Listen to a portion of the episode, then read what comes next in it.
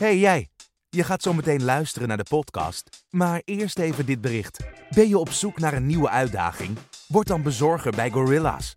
Bij Gorilla's verdien je tot 20 euro per uur, ontvang je toffe werkkleding, krijg je een aanmeldbonus van 200 euro en rij je op een elektrische fiets.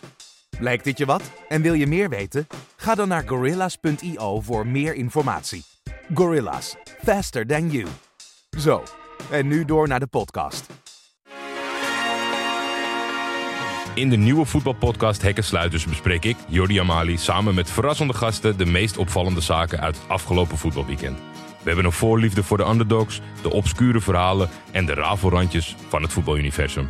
Omdat voetbal meer is dan juichen voor de winnaars. Al verliezen we de actualiteit van de elite natuurlijk nooit uit het oog. Iedere zondagavond verschijnt er een nieuwe Hekkensluiters. Elke dinsdag hebben we een special en in de weken met Europees voetbal zijn we er ook nog op donderdag.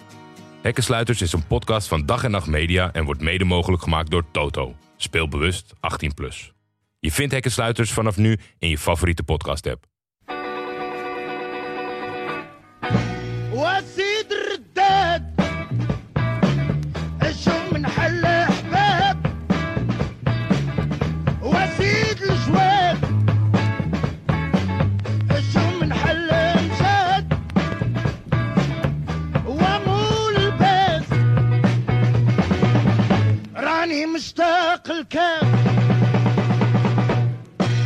Welkom bij Taxi Talk, de podcast waarin we wekelijks terugblikken op het derde seizoen van Videoland-serie Mokkermafia. Mijn naam is Alex Mazareel. Ik word weer vergezeld door Jordi Amali. Hallo. En eh, Jordi, we hebben, we hebben ander gezelschap vandaag. Nog meer mensen. Normaal Ja. kapt het eh, als, eh, als je mij hebt geïntroduceerd. Maar eh, ja, misschien aan de heren eh, moeten we ze voorstellen. Wie jij er één?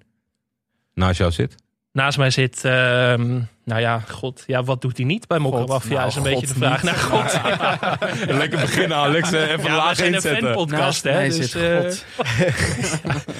Wel de man die het dichtst bij God staat op aarde. Dus Ja, ja, ja. En in de serie sowieso, denk ik wel. Hij is de showrunner van Mokkermafia. Hij speelt de rol van Paus. Hij schrijft mee aan de serie. Hij, eh, ja, wat doe je eigenlijk niet, Ahmed Akabi? Nou, met showrunner heb je het eigenlijk wel allemaal eh, mooi eh, gekaderd. Hoe, eh, hoe is het met je? Hoe gaat het nu de serie erop zit? Ja, goed. Blij, blij dat het erop zit. Ehm, het was een nieuwe vorm. Hè? We, we hebben dit seizoen voor het eerst gekozen voor iedere week releasen. Dus daar komt dan bij kijken dat je iedere week opbouwt naar die aflevering. Ehm, ja, dat was ook voor mij nieuw. Dus Ja, vertel, vertel ons wat qua opbouwen naar de aflevering toe. Dat hebben wij ook wel meegemaakt. Ja, ik vond, het, ik vond het heel goed werken hoor. Dus ik hoop dat ze het eh, aankomend jaar weer gaan doen. Ja. Ehm, maar dus het was ook heel veel dingen ontdekken of zo. Eh, Oké, wat, wat kunnen we gaan doen? Ik heb heel erg nauw samengewerkt met de marketingafdeling van Videoland bijvoorbeeld. Om eh, last minute dingetjes geregeld te krijgen. En dat kon gewoon allemaal, want er was gewoon tijd. En er, er was contentruimte om het te plaatsen. Ja. Want ja, je, je, je moet toch de tijd opvullen tot die vrijdag. Ja. Dus ja, super tevreden. Maar blij dat het voorbij is, zodat we door kunnen met het volgende. Aan de andere kant van mij er zit niemand minder dan eh, Victor Ponte. Eh, nou, ik denk regisseur van in totaal acht of negen afleveringen. zeven. Zeven. Ja, Ja, één seizoen in totaal. één seizoen in totaal gedraaid. En eh, hoe sta jij er op dit moment, nu het achter de rug is? Jij hebt ook natuurlijk in de laatste weken hard moeten werken nog. Ja, het was eh, aanpoten om het allemaal op tijd af te krijgen. Ik was vorige week donderdag pas klaar met, eh, met de season finale. Ja. En eh, ja, ik ben nu eigenlijk een week een beetje aan het chillen. Ja, ik, ik, ik denk dat veel luisteraars dat niet beseffen, dat eh, de hand wordt gelegd. eh, Nee, dat is echt last minute. Ja. Ik, ik heb nog maan, maandag, nee, zondagavond heb ik nog de ondertiteling gecheckt. Of alles klopt. eh, zodat maandagochtend ze hem eronder konden leggen. Ja, het is pretty last minute. Maar eh, er zit een goed team op. Iedereen is, eh, Ja. we redden het wel telkens. Is het ooit spannend geweest? Of is er ooit eh, misschien wel te prematuur een soort paniek geweest van krijgen we dit, eh, krijgen we dit op tijd op Videoland? Nou, nee, nee, niet echt. Het is, eh, het is soms wel. Eigenlijk ging dit seizoen qua post best wel goed. Eh, en het is met name de geluidsmix is het het spannendst. Want daar heb je het minst tijd. Dus dat zit helemaal op het eind. Op het allerlaatst gaat dat gebeuren. En dan is met name voor de muziek. Er zit zeker onder zo'n season finale. Is eigenlijk bijna gewoon wall-to-wall muziek. Ja. Eh, en daar, daar is het gewoon een hele grote harde deadline voor. Dus die, dat was het spannendst eigenlijk. Ja. Maar jullie hadden wel meer tijd dit seizoen, denk ik. Omdat er, zeg maar, de eerste twee seizoenen zijn natuurlijk in één keer uitgekomen. En jullie hadden nu nog een week tot week. Gaf dat jullie wat extra tijd om nog wat eh, extra te sleutelen aan de afleveringen? Nou, nee, er was niet per se extra tijd. Want wij zijn ook veel later gaan draaien dan vanwege corona. Dus, Oh, eh, dus, dus wij zijn... eh, nee, het was eigenlijk een, een... Ja, vorig jaar was het ook behoorlijk cramped. Want toen hebben we de deadline naar voren getrokken vanwege corona. Toen zaten we in de post toen die lockdown kwam. Mhm. Dus toen was ik eh, echt letterlijk op de eerste lockdown dag... was ik nog eh, het geluid aan het doen en de kreding van, eh, van, van seizoen 2. Dus, en daar hadden we toen een paar dagen extra... omdat nou, ja, dus qua planning allemaal... Toen was ik eigenlijk weg al voor een andere shoot. Maar dat ging toen niet door, omdat het in het buitenland was. Dus toen kon ik nog iets langer door. Maar ja, het is... Het, is, het, is, eh, het hele project is een soort marathon. Ik, ik zeg altijd, het is een marathon op sprint, eh, op sprint snelheid, zeg maar. Ja. En, eh, en ja, dat is een kwestie van doorzetten gewoon ook. Gaf het misschien, dat het, omdat het op een andere manier werd opge- opgenomen dan eerst, toch de ruimte en misschien dat, je, dat je last minute nog aanpassingen bent gaan doen? Ten opzichte van eigenlijk dat je een afproduct levert en dan, dan ben je het kwijt, dan heb je het ingeleverd. Nu kon je misschien, of is dat, lukt dat niet? Nee, op, op het moment dat eh, het beeld op slot zit, dat is eigenlijk hoe we, hoe we het noemen, als, als de beelden gemonteerd zijn, dan eh, kun je misschien wat nummers aanpassen of de aftitelingsmuziek. Maar Ja. eh, heel, heel veel ga je niet kunnen aanpassen, tenzij ik dingen zie die niet kloppen, die op dat moment ehm, ehm, eh, aan de hand zijn. Dus als hij naar de color grading gaat, Ja, en ik zie dingen die niet kloppen. Nou, die, die kunnen dan wel last minute aangepakt worden. Maar dat is omdat je in dat proces zit. ja het is echt, echt detailniveau. muziek, dus, geluid. ja, dus als, als het in dat proces zit, dan, kan ik dan, dan is het bijvoorbeeld niet mogelijk om te zeggen... Ah, ik wil toch nog even die scène erbij. Of ah, snij die scène toch daar. Ja. Dat is niet meer mogelijk. Nee. Want jij bent wel echt op een, op een on, een misschien wel ongezonde manier natuurlijk bezig met de serie. Van begin tot eind. Van het schrijven tot aan de nasleep nu met alle social media die er omheen... eh, ja, ja, ja, het begint, kijken? ja, het begint voor mij echt al, nou ja, research, schrijven, ehm, casten. Nou ja, heel veel doe ik natuurlijk wel samen met de regisseurs. Ehm, en ik heb natuurlijk een schrijversteam, dus het is absoluut Mhm. niet dat ik het zelf doe. Maar je bent wel bij ieder proces ben je wel betrokken. Eh, nou ja, er wordt gefilmd, dan krijg je de dailies te zien die je moet beoordelen. Nou, als dat goed gaat, dan hoef je niets te zeggen. En dan wacht je gewoon het filmproces af. Ja, eh, en als het klaar is, dan eh, gaat het naar montage. Eh, dan gaan jullie meestal aan de slag. En dan zie ik een eerste versie. Daar, daar geef ik mijn notes op. Eh, ik zoek de muziek erbij. Eh, of tenminste, ik geef, ik geef een lijst mee van... oké, dit is de muziek die ik erin zou willen. Maar als het muziek is die aansluit bij wat ik heb ingeleverd... en het klinkt lekker, dan is het ook goed. Dus het is niet zozeer dat mijn wil weg is of zo. Ehm, maar je bent wel... eh, ieder, ja, zeg maar, iedere stap ben je wel echt betrokken. Dus ook nu met het monitoren, als het on-air is geweest, dan eh, ga je gewoon lekker monitoren en dan eh, kijk je wat het sentiment is. En ja, dat neem je een beetje mee. Hoe is de dynamiek voor de regisseur met de acteur is ook nou eh, is de, is de maker bedenker zeg maar is dat, is dat anders dan eh, je hebt natuurlijk heel veel gewerkt Mm, nou ja, voor mij is dat wel gescheiden, zeg maar. Als wij op de set staan, staan we op de set. En is Ahmed voor mij een, een acteur zoals ik met andere acteurs werk.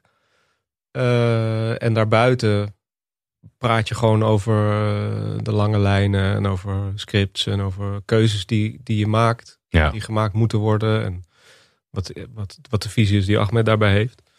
Dus dat is voor mij is dat, is dat best wel gescheiden. En dat gaat ook wel goed of zo. Eh, dus dat is, niet, dat is niet anders of zo dan met andere acteurs. nee precies dus dat wordt echt op het moment eh, van, van draaien dan is de rolverdeling bekend het is eh, Ja. ja. Ja. kan nog vanuit de fantheorie het idee hebben dat jij op de set zegt van nou laat ik, me- laat ik linksom gaan zeg maar dat soort dingen want dat lijkt me ongewoon Ja, maar nou, dat- maar die ruimte is in- er in principe ja, voor elke dat- acteur. ja. ja Dus, dus eh, op het moment, je maakt, kijk, je komt op de set met een, met, eh, een vel papier. Eh, en daar, daar heb, heb ik met, met Daan eh, voorbereiding op, de cameraman Daan Nieuwenhuis, de voorbereiding op gehad als het goed is. Niet altijd, lukt niet altijd binnen het schema wat we hebben. En dan ga je zo'n scène doorlopen en dan speel je hem. En dan, ik heb een visie daarop. En, nou ja, acteurs hebben daar ook altijd een visie op. En dan vervolgens maak je met elkaar maak je die scène. Ja. Maar het is niet zo dat we op een locatie komen en dat ik zeg, eh, ja nee, sorry jongens. Dit gaat hem niet worden Dit vandaag. gaat het niet worden. Als je niet even in je pauserol kruipt en zegt van eh, dit is hoe we het gaan doen. Mm, Ja, nee, nee, nee. Dat, eh, nee, nee, nee. Eh, ieder heeft zijn vakgebied en ieder heeft zijn exper- expertise. En daarin moet ze, ja, daar moet ze de volledige vrijheid geven en het volledige vertrouwen. Dus, ehm, nou, dat gaat eigenlijk best wel goed. Kun je ons eens meenemen naar echt het, het prille begin van de serie? Is het echt eh, helemaal vanuit jouw koker voortgekomen, de serie, het idee voor de serie? Eh, nee, zeker niet.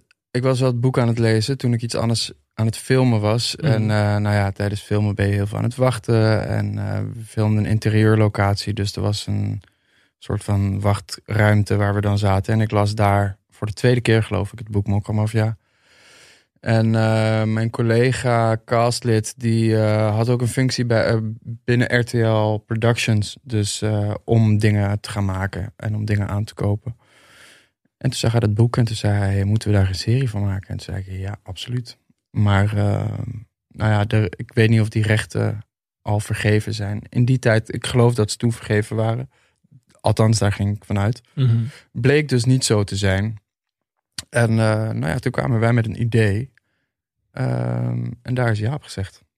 Maar het was voor jou niet, was het een jongensdroom om ooit zelf echt aan de knoppen van een grote serie te gaan zitten? Ja, ja, ja. Ik heb altijd wel. ehm, ik denk dat dat ontstaan is in mijn theatertijd bij Rotterdams Lef. Daar maakte je namelijk al best wel veel samen eigen voorstellingen. Of daar had je best wel veel vrijheid om eh, iets in te brengen in die voorstelling. Nou, daarna eh, de theaterschool gedaan, eh, de toneelschool Maastricht. Ook daar weer ehm, wordt je eigenlijk. eh, wo- wordt er van je verwacht dat je ook gewoon zelf shit kunt maken. Ja. Dus ja, dat heeft er altijd wel ingezeten. Ik vond het vroeger ook altijd leuk op school om opstellen te schrijven en zo. Ik haalde altijd achtens en negens en tieners voor opstellen. Omdat ik volgens de juffrouw dan een hele rijke fantasie... Goeie fantasie ja, ja, ja. Het heeft alleen iets langer geduurd, denk ik. Bij seizoen 1 was jij nog niet betrokken. Heb je het wel eh, toen het uitkwam eh, meteen gecheckt? Of, of is dat eigenlijk later gekomen pas toen de vraag kwam... eh, Victor, eh, we hebben je nodig? Of kom je erbij? Ik was toen nog wat opstellen aan het schrijven. Nee, eh, nee, ik, Nee, jij toen jij het zei, moest ik wel denken. Ik heb, ik heb eh, bij mijn ouders thuis liggen nog heel veel schriften van vroeger. Dus toen ik was daar ook paar jaar geleden een keer aan het doorbladeren. En dus zag ik ook altijd dat ik opschre- op, opstellen schreef. En dat ik dat ook leuk vind. Ik weet niet of... Het, ik heb mijn dochter, ik heb do- twee dochters. Die heb ik het nog niet zien doen. Dus eh, misschien moeten we het opstel eh, weer een eer herstellen. Gewoon Voor de makers van Stiekem dat, dat schriftje in, in hun Ja. slaapkamer leggen. Precies. zo. Of gewoon een opdracht geven af en toe. Ehm, eh, wat was je vraag? Sorry. Eh, nee, seizoen 1 heb ik toen meteen... Ja, heb ik wel meteen. Ik bedoel, Ahmed ken ik al heel lang. Is gewoon Mhm. een vriend van mij. En eh, ehm, ik wil... Ja, dat is gewoon een project... eh, wat, wat, ja, wat gewoon eh, daar was. En wat je gewoon meteen checkt van elkaar. En eh, het kwam toen ook... In het jaar uit, volgens mij dat Catacombe. Dus het waren een soort twee Ja, projecten. zeker, ja. ja. was 2019... Nee, 2018 kwam het uit. Dus ik was die film aan af aan het werken. Jullie waren die serie aan het doen. En die shoots liepen ook min of meer soort van gelijktijdig. Dus ja. daar heb je dan met elkaar een beetje contact over. En ik weet nog dat we... Ik weet nog dat ik Willem wilde casten, maar die was toen... Die was toen Weggekaapt door. Catacombe. Die, die, ja, die was toen aan het drijven. Dus toen dacht ik, ah, oké, dan misschien volgend seizoen. of zo. Ja. Ja. Voor Romano. Eh, Of ik dat niet? geloof voor. Ik geloof dat ik hem wilde komen laten auditeren voor taxi. Voor taxi? Ja. Oh, interessant. Ja. Nou ja, als in je, je laat, eh, zeg maar zo'n auditieproces, je laat best wel veel mensen komen. En de rol waarvoor ze auditeren wil niet per definitie zeggen dat dat ook de rol is die Nee, ze precies. krijgen. Soms eh, heeft iemand zo'n goede auditie gedaan, en, eh, maar past hij niet in die rol. En dan is, ja, dan, dan zoek, als in, dan vind je altijd wel een andere rol van, oké. Hij is wel goed, maar niet voor de rol die je voor ogen had. Zeg maar. ja, Dat- maar hij dat- zou wel perfect zijn voor deze rol. Ja. Eh, dus oké, laten we. Heb je daar voorbeelden van? Van mensen die je echt voor een andere rol had uitgenodigd, die echt iets heel anders zijn gaan doen? Eh, Roma, eh, Man- Mandela is voor. Die heeft voor taxi-auditie gedaan ook, Mhm. geloof ik. Eh, er zijn een paar jongens. Ik, ik geloof dat Gladde voor Adil ook heeft getest. Ehm, ja, er zijn een paar acteurs die voor elkaars rollen hebben getest. Ehm, Younes, die eh, seizoen 2...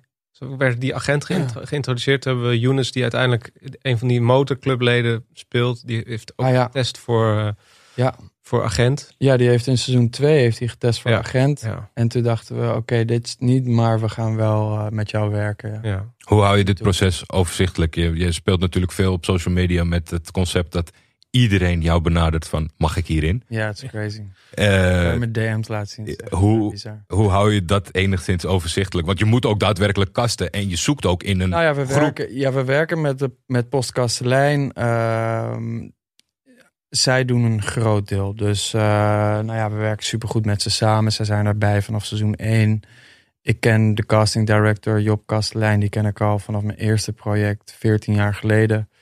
Ehm, dus het is echt een team effort. Eh, ik draag wel hier en daar mensen aan. En eh, ik denk wij allemaal. Eh, maar het is wel een team effort. Ja. Dus eh, iemand krijgt de rol als eh, ik geloof iedereen het daarmee eens is of zo. Ja, want ik kan me ook voorstellen dat niet iedereen in de kaartenbak zit die uiteindelijk in de serie belandt. Nee man, Nee, zeker. Nee. Nee, zeker niet. En het is ook heel vaak dat, dat je met Nu- elkaar Nu wel, nu wel. Nee, het is inderdaad vaak dat je gewoon op, op basis van rollen met elkaar denkt: oh, die zou vetter voor zijn of die zou vetter voor zijn. En dan, en dan het, eigenlijk is het bijna nooit zo dat rollen zomaar vergeven worden. Eh, en dan, laat je mensen, ja, dan komen mensen wel gewoon op een casting. En we zien meestal minimaal drie mensen voor een rol wel, denk ik. Ja. Ja. Dat is wel een minimum. Het, is toch, ja, ik weet niet. Je, je, je ziet, het maakt het wel weer bijzonder. Ik, ik kan me geen ander voorbeeld eh, eh, naar, vo- naar boven halen van het feit dat mensen denken door iemand aan te schrijven van, yo, ik wil in, jou, in jouw serie.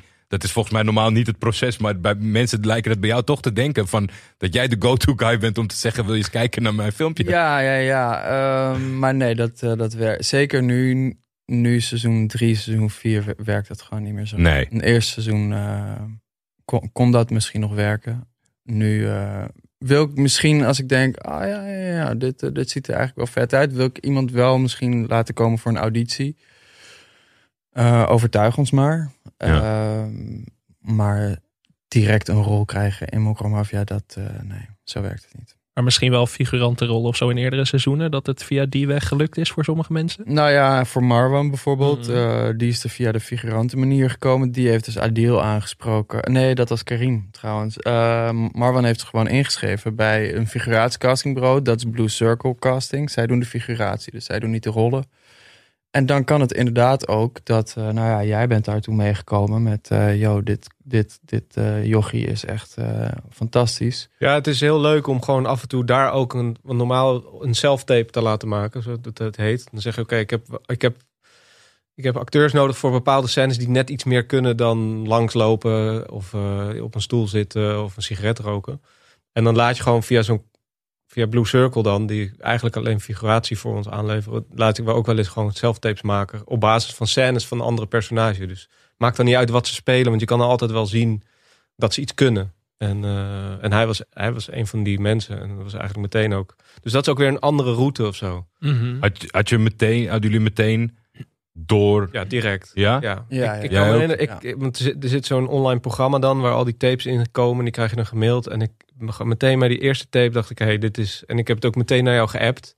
Van hey, dit moeten we checken. Want dit, dit zou er wel één kunnen zijn. Ja, het was fantastisch dat later bleek dat hij uit Amstelveen komt en Ja, zijn accent heeft eh, afgekeken van seizoen 1. Ja, ja, ja. ja, ja. Want hij speelt wel met eh, redelijke overtuiging eh, het schoffie dat hij moet zijn. Ja, Het, is een fantastisch, het is een fantastisch acteurtje. Dat Ja. is echt. als in, ik, ik was op die leeftijd was ik niet zo getalenteerd. Ik acteerde, ik acteerde niet eens op die leeftijd. Maar eh, ja, hij is echt talenteerd. Ja, want wij hadden het er toevallig in de, in de vorige aflevering nog over. Van dat we eigenlijk alles voor lief nemen wat hij doet. Dat we vragen van, hé, hey, waarom gaat hij nu naar zijn moeder? Maar dat we ook denken van, ja, die gozer is 16, zeg maar. Van, Ja, ja, eh, dat, Ja. dat vergeet je soms bijna door hoe goed hij dat speelt, zeg Ja. maar. Ja.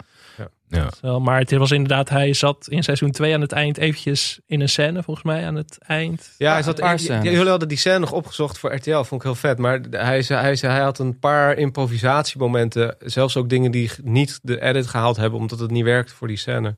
Maar eigenlijk hadden we hem gehaald. Hij zat in drie scènes vorig seizoen. Eentje in een snackbar. eh, dat die muis herkende. En dat muis zijn... Dat zit er wel in volgens mij. Dat muis zijn Ja, maar die is wel iets betaald. korter. Die is wat korter gesneden. gesneden, ja. Ja, da- daar deed hij te veel. Dat was te veel. En, daar, daar deed hij echt veel te veel. En, eh, dit en dan was- Het is de meest dramatische patat ooit. Nou ja, hij was een soort van... eh, hey, ja, ja, oh, Soldaat, hey. Soldaat, man, soldaat. Maar echt gelijk tien keer, weet je. Oké, dit, is, dit is misschien iets too much. Maar eh, en er was in diezelfde snackbar was een ander moment dat Domino's eigenlijk... Dat Muis gevangen was gezet. Domino's en Muis hadden ruzie gehad. Muis was va- va- gevangen genomen toen hij die netbrick wilde, probeerde te pushen. En Domino's was weggegaan uit die stashhouse en hing dus in de buurt alleen. En die werd in die... En die hing in die snackbar, die werd dan door Adil geappt van... hey, waar de fuck ben je en waar is Muis? En kom nu naar die stash... Of naar, die, eh, naar dat eh Safe onderduik, house. dat is safe Ja. house, ja. Dus die, maar die scène is helemaal... Want die beat die hadden we niet nodig in de edit. Ehm, en toen nog bij die, de opening volgens mij van vijf was dat die, die, die party in, die, in het safe house. Als Daar Adil binnenkomt. Als Adil en, binnenkomt eh, en met een honkbalknuppel... eh, Ja. Voor orde op zaken gesteld. ja, maar het was met name die scène in de snackbar waar hij in elke take eigenlijk een, een net iets ander verhaal vertelde over iets wat er op een voetbalveld was gebeurd. En waar hij ook zichzelf voor schut in zet. Dat was het vooral. Hij had een soort personage bedacht die voor lul stond op het veld door een domme actie die hij deed. En dat, dat zijn team hem niet meer. Nou ja, en elke keer vertelde hij dat anders. En elke keer was het master. En, eh, en ook dat ik dacht: oké, dan kom je daar dus. En dan, dan. Want er zijn heel veel jongens die willen in Mokromafia spelen. Die denken: dan ga ik stoer zitten doen. Mhm. En hij deed juist het tegenovergestelde. Ja. Daardoor viel hij eigenlijk meteen op. ja. Toen ook op de set. Los van die, die auditietape al. Dan moeten we het hier aansluitend maar eh, over onze superster eh, hebben van dit seizoen. En hoe zich dat eh, heeft kunnen ontwikkelen. Want wat, ja, wij speculeren daar een beetje op. Of tenminste hebben we dat wel eens gedaan. Dat misschien hij zichzelf een grotere rol heeft gegeven. Door hoe die eh, gedebuteerd is. Of, of hoe die zich ontwikkeld heeft. Ice, Tornado. Ice, ehm, die heb ik leren kennen via Murder, eh, de rapper. Ja. Eh, tijdens de eerste sessie van het Mokromafia 1 album. Dus we hebben dit jaar geen album gedaan. Komt er ook niet. We, we hebben dat vorig seizoen gedaan en het eerste seizoen. En daar was dan een soort van writers sessie in een studio. En dan komen allerlei artiesten. En, die, en dan zijn- een stuk of vier, vijf studio's. En die gaan dan allerlei studio's in. Daar zitten producers en ze maken muziek. En Murder was er ook. En die nam toen Ice mee. Die kennen elkaar uit Rotterdam. Mhm. En daar heb ik eh IJs eigenlijk leren kennen. En toen eh, zei ik van ja, ik ben, eh, ik ben zo'n serie aan het maken en we maken hier de, nu, hier de muziek voor, voor dat album. En eh, hij ging een klein beetje haten of zo. Hij zei ja, het gaat toch kakka worden. Ja, want toen was het Wat- nog niet uit. Dus niemand had nog iets gezien ook. Oké. En toen zei ik wacht, ik ga je de trailer laten zien. Want ik had de trailer op mijn telefoon. Dus toen liet ik hem de trailer van seizoen 1 zien. En toen zei hij, ah oké, dit kan misschien wel wat worden. Hij zei oké, als het straks uit is, dan ga ik het checken en dan ga ik je laten weten wat ik het vind. En eh, hij viel daar al op bij mij. Ik keek naar hem en toen dacht ik al van, pff, jij bent wel één karakter man, de tering. Ja. Als jij kan spelen, dan eh, hebben we fucking goud in handen, weet je. En als je ook nog eens een oké mens bent en sociaal gewoon relaxed met iedereen, ja, dan let's go. En toen keek hij de, het eerste seizoen en toen stuurde hij me een DM van, ja sorry man dat ik dat echt zei. sorry man, deze shit is keihard. En toen zei ik, oké man, ben je, ben je klaar om iets te doen? Toen zei hij, bro, bro, let's go man. En toen dacht ik, oké, laten we hem in seizoen 2 dan een klein beetje eh, testen. Dus we geven hem gewoon wat kleine dingen. Om A, te kijken of hij kan spelen. En B, om te kijken hoe die is op een filmset. En, Ja. en hoe die is met mensen. En dan niet met de cast, maar gewoon met de crew. Met degene die de make-up doet. Met de productie. Als in, hoe, be- hoe ben je in een team? Ja. Nou, en iedereen liep met hem weg gewoon. Hij is zo sociaal sterk. En, eh, nou ja, en zijn acteren was, was daar al goed. Ik kan me één scène herinneren in aflevering 4... dat hij eh, dat, huis, eh, dat, hu- dat huis binnenkomt waar we die kook gaan verkopen... en dat oren op pa en dat hij ploft op die bank zo. Ja. Eh, nou ja, al Ja, maar dat ook- soort- Ik kan me meteen, herinneren dat- meteen zo gaat en zitten. op meteen zo gaat zitten. Dat, is, ja, ja. dat is niet iets wat geschreven staat. Dat is gewoon, eh, hij probeert iets in, in, Ja. in de repetitie. En dan, en, en dan zeggen we, oh ja, ja, dit is tof. Hou, dit. Eh, doe dat. Maak het niet groot, maar houd het gewoon zo. Eh, maar het is fucking leuk, doe dat. En dan doet hij dat en het werkt. Nou, en op die manier eh, kijk je of je hem iets meer ruimte kunt geven. Nou, het werkte in seizoen 2, de dingen die hij moest doen. Dus toen dacht ik, ja, oké, let's go. Ja. Men, men, als in, ik zag daar al oké, als dit een grotere rol wordt, hij gaat iedereen zijn harten veroveren. Ja. Dus laten we dat dan ook maar doen. Ehm, Maar ik kan me volgens mij herinneren, want het ontstond ergens, volgens mij in het proces van seizoen- seizoen 2, ontstond ergens die situatie dat jullie die 50 kilo kook moesten gaan uithalen. Ja. En toen, toen kan ik me volgens mij herinneren dat jij ergens zei, ja, er moet eigenlijk nog een soort neef van Paus komen die dat dan, die daar goed in is. En hij moet dat zijn. Dat is zijn allereerste, Ja, ja, ja. allereerste Ja, ja, ja. scène, Ja, toch? In. Rotterdam op die haven. ja, Ja, dat Ja. is zijn eerste scène. En, en zo is volgens mij dat toen gekomen. Maar dat was op papier was dat nog niet nee, nee, heel nee. veel. En ik kan me herinneren dat zijn eerste draaidag was volgens mij op het kamp van Tata. De tas De overgeven. tas overgeven. En dat was een scène die, dat was het blok van Mustafa Duygulu, die vorig jaar het eerste blok deed. En ik kan me herinneren dat ik die. Dus ik wilde bijna iets spoilen. Wij krijgen dan, eh, wij krijgen dan, eh, ehm, sowieso shout-out naar hem. Sowieso. Ehm eh, we krijgen dan de, de, de Dailies app, heet dat. En daar staan alle rushes, zeg maar, van wat dat wordt daar dan in gezet. En ik kan me herinneren dat ik een beetje naar zijn dingen zat te kijken. Want ik moest het daarna dan overnemen. En een beetje kijken wat hij aan het doen was. En toen zag ik ergens in de achtergrond. Er zit dan zo'n shot vanuit de, de ingang van het huis van Tata.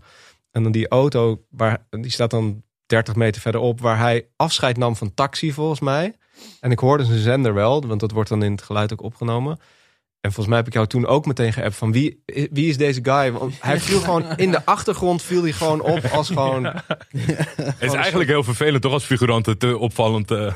Daar ergens wel, In- maar en toen, bleek dat dus Tornado inderdaad. En, dan, en daarna zit hij inderdaad in die waanzinnige scène in die woontoren waar hij dan... Hij liegt. Ja, licht. Ja, ja, ja, ja, dat hij een soort een hele... Ja, nou, dat is fantastisch.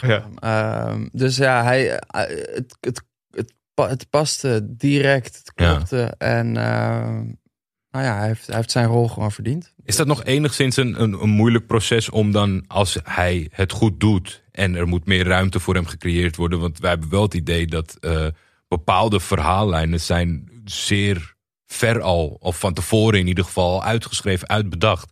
Om het cirkeltje rond te maken of om sommige dingen kenbaar te maken. Of een plot twist eh, te starten. Dus dat zo'n Tornado dan goed opvalt in twee, dat hij een grotere rol krijgt in drie, is dat lastig? Omdat je al een soort van skelet in je hoofd hebt van het verhaal? Ja, niet zozeer, omdat drie ook in, bijna in zijn volledigheid, geloof ik, hersch- herschreven moest worden. Of voor een groot deel. Dus eh, er la- lag een zee aan ruimte om van allerlei dingen in te vullen.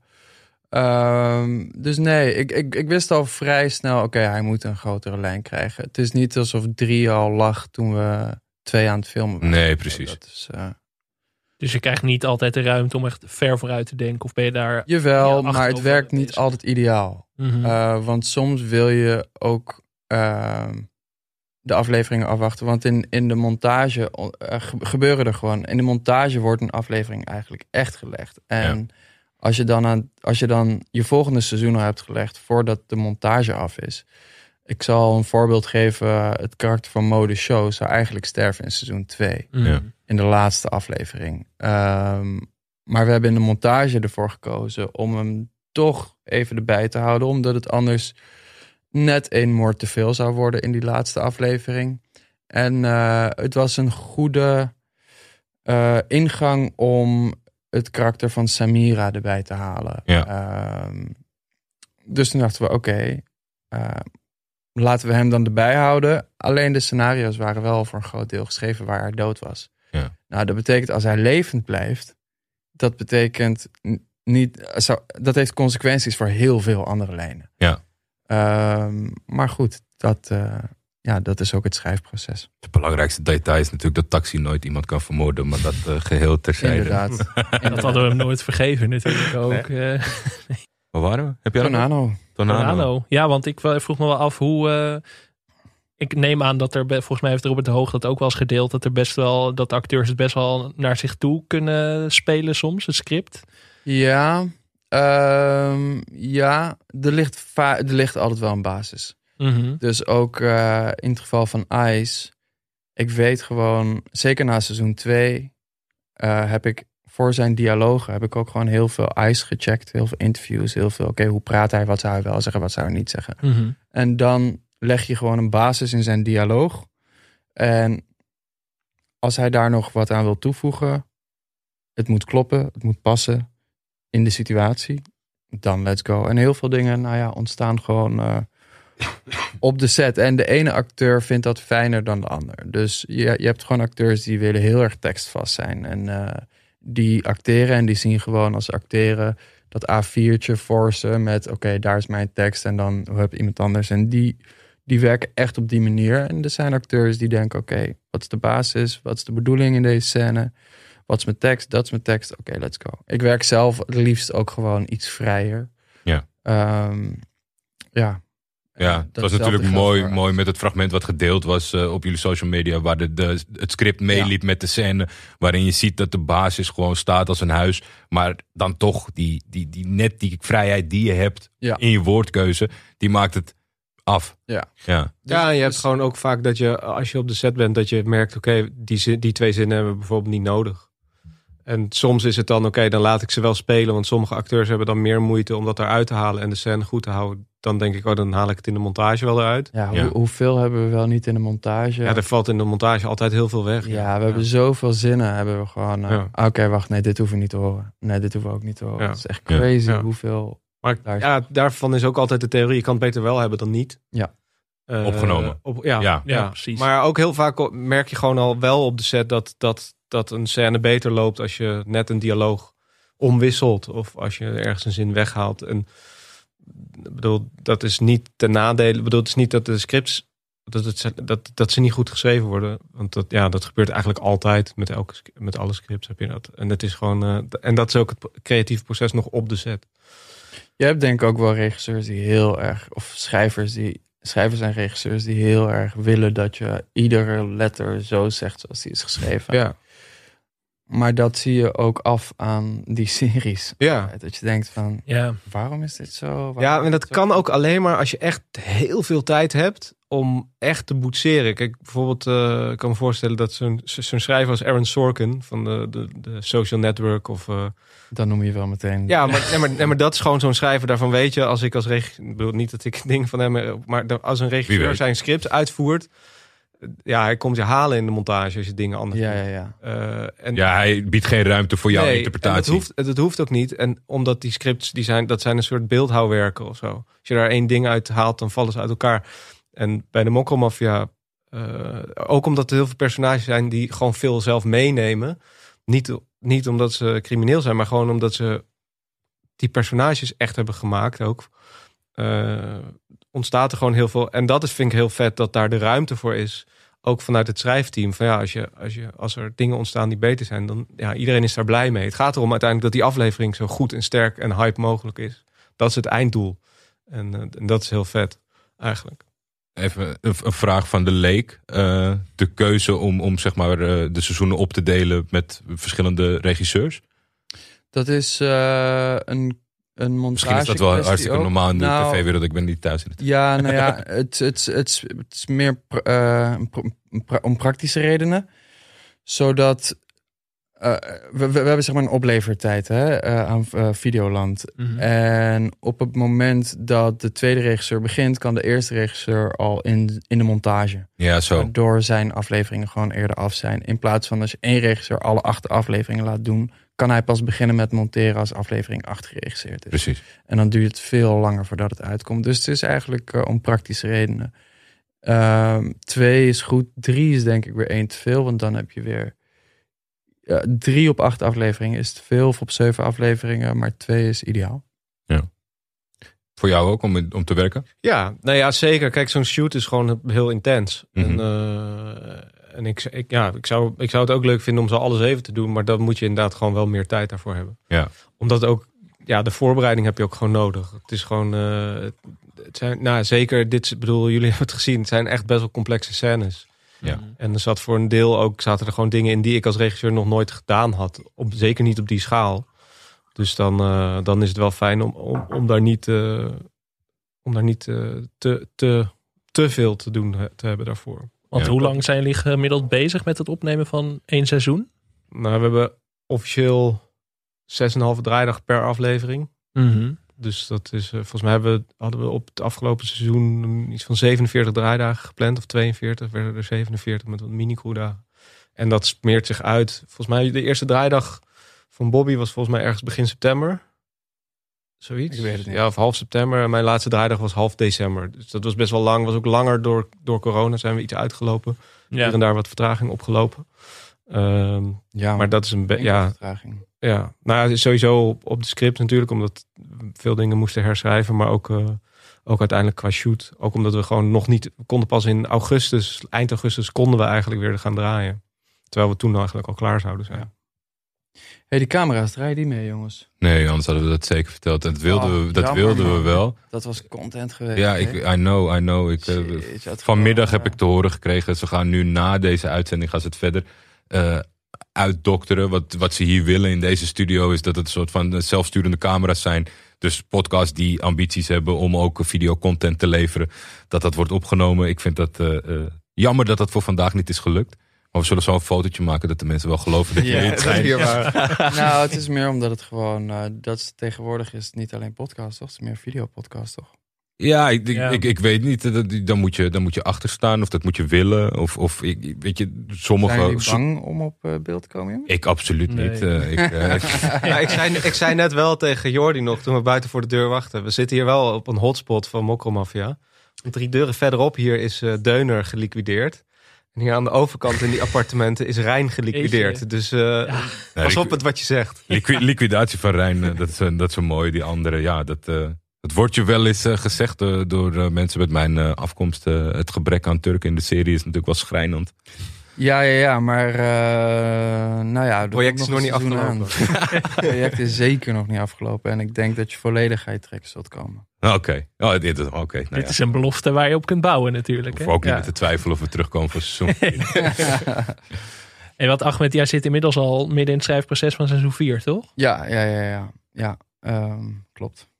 Daar kun je nog niks over zeggen. Nee. Dat, dat snap ik. Nee. Maar ehm, Het is, eh, het is hartstikke leuk. En eh, het wordt ook wel ieder seizoen moeilijker. Omdat je, je wilt niet in herhaling vervallen natuurlijk. Eh, er is al zoveel gebeurd. ehm, maar het is nog altijd hartstikke leuk. En ik werk met een goed team samen. Al vanaf het eerste seizoen. Want aan de andere kant, jullie, jullie doorloopsnelheid of zo, die is best wel hoog natuurlijk. Er zijn personages, jullie weten wel wanneer je op tijd afscheid moet nemen van een personage. Dat wij wel eens denken, soms misschien wel te vroeg of zo. Dat we net denken, oh nu kennen we dit personage en hij is weg. Ja, nou ja, je, je wilt de kijker altijd, tenminste ik in ieder geval, wil de kijker wel een stap voor zijn. Mhm. Dus het moment dat je inderdaad denkt, eh, oh ik leer het personage net iets beter, ke- vangt een kogel. ja. Ja. Ehm, d- dus ja, eh, dat is wel eh, hoe we te werk gaan. Ik weet niet of we volgend seizoen zo te werk gaan, maar dat is hoe we tot nu toe te werk zijn gegaan. Ehm, is oké, hier heb je deze mooie jongen die een prachtig leven heeft en eh, nou ja, thuis woont en eh, eh, een baan heeft eh, in het verzorgingstehuis. Hè? Dus de aflevering met, Ja, ja, ja. eh, hoe heet die? Broertje van, eh broertje van. Mo. Ja, ja, ja. ehm, hoe heet die oude Kamal. acteur nu? Frits Lambrecht. Frits Frits, Frits, Ja. Frits Lambrecht. Ik noem hem altijd de vader van Alfred J. Kwak. De vader van Henk de Mol. Ja. ja, ja. Ehm, Trouwens nog een side note. Ik heb ooit eh, geschiedenis gestudeerd op de UvA. En eh, dat studeerde hij ook. Dus Echt? hij bij mij in de collegezaal. Ja, master. Oh, sick. Dat was een mooi feest der herkenning. eh, kort maar het is gewoon heel tof om, om dat te laten zien. Ja. Eh, en dat de kijker ook denkt, oh tof, we gaan een nieuw karakter leren kennen. Oeh, benieuwd waar dit naartoe gaat. Bam, direct weg. ja. En het is ook wel eens zo dat je een karakter ons eh, in het hart laat sluiten. We noemen nog even geen namen, maar eh, dat we echt, eh, echt van iemand gaan houden. En dat je ook dan eh, vrij rukzichtloos durft te zijn. Nou ja, dat is, de, dat is wel de wereld die we vertellen. Mhm. Ehm, het is wel zo'n type serie. Je, moet, als in, je kunt je absoluut gaan hechten aan mensen, maar eh, ze gaan er allemaal aan. Ja. Dat is een gegeven. Wanneer, ja, Cool. En hoe dat, dat is dan weer. Ik, ik hoop vooral niet dat de kijker doorheeft wie er wanneer gaat, eh, wie er wanneer gaat slapen.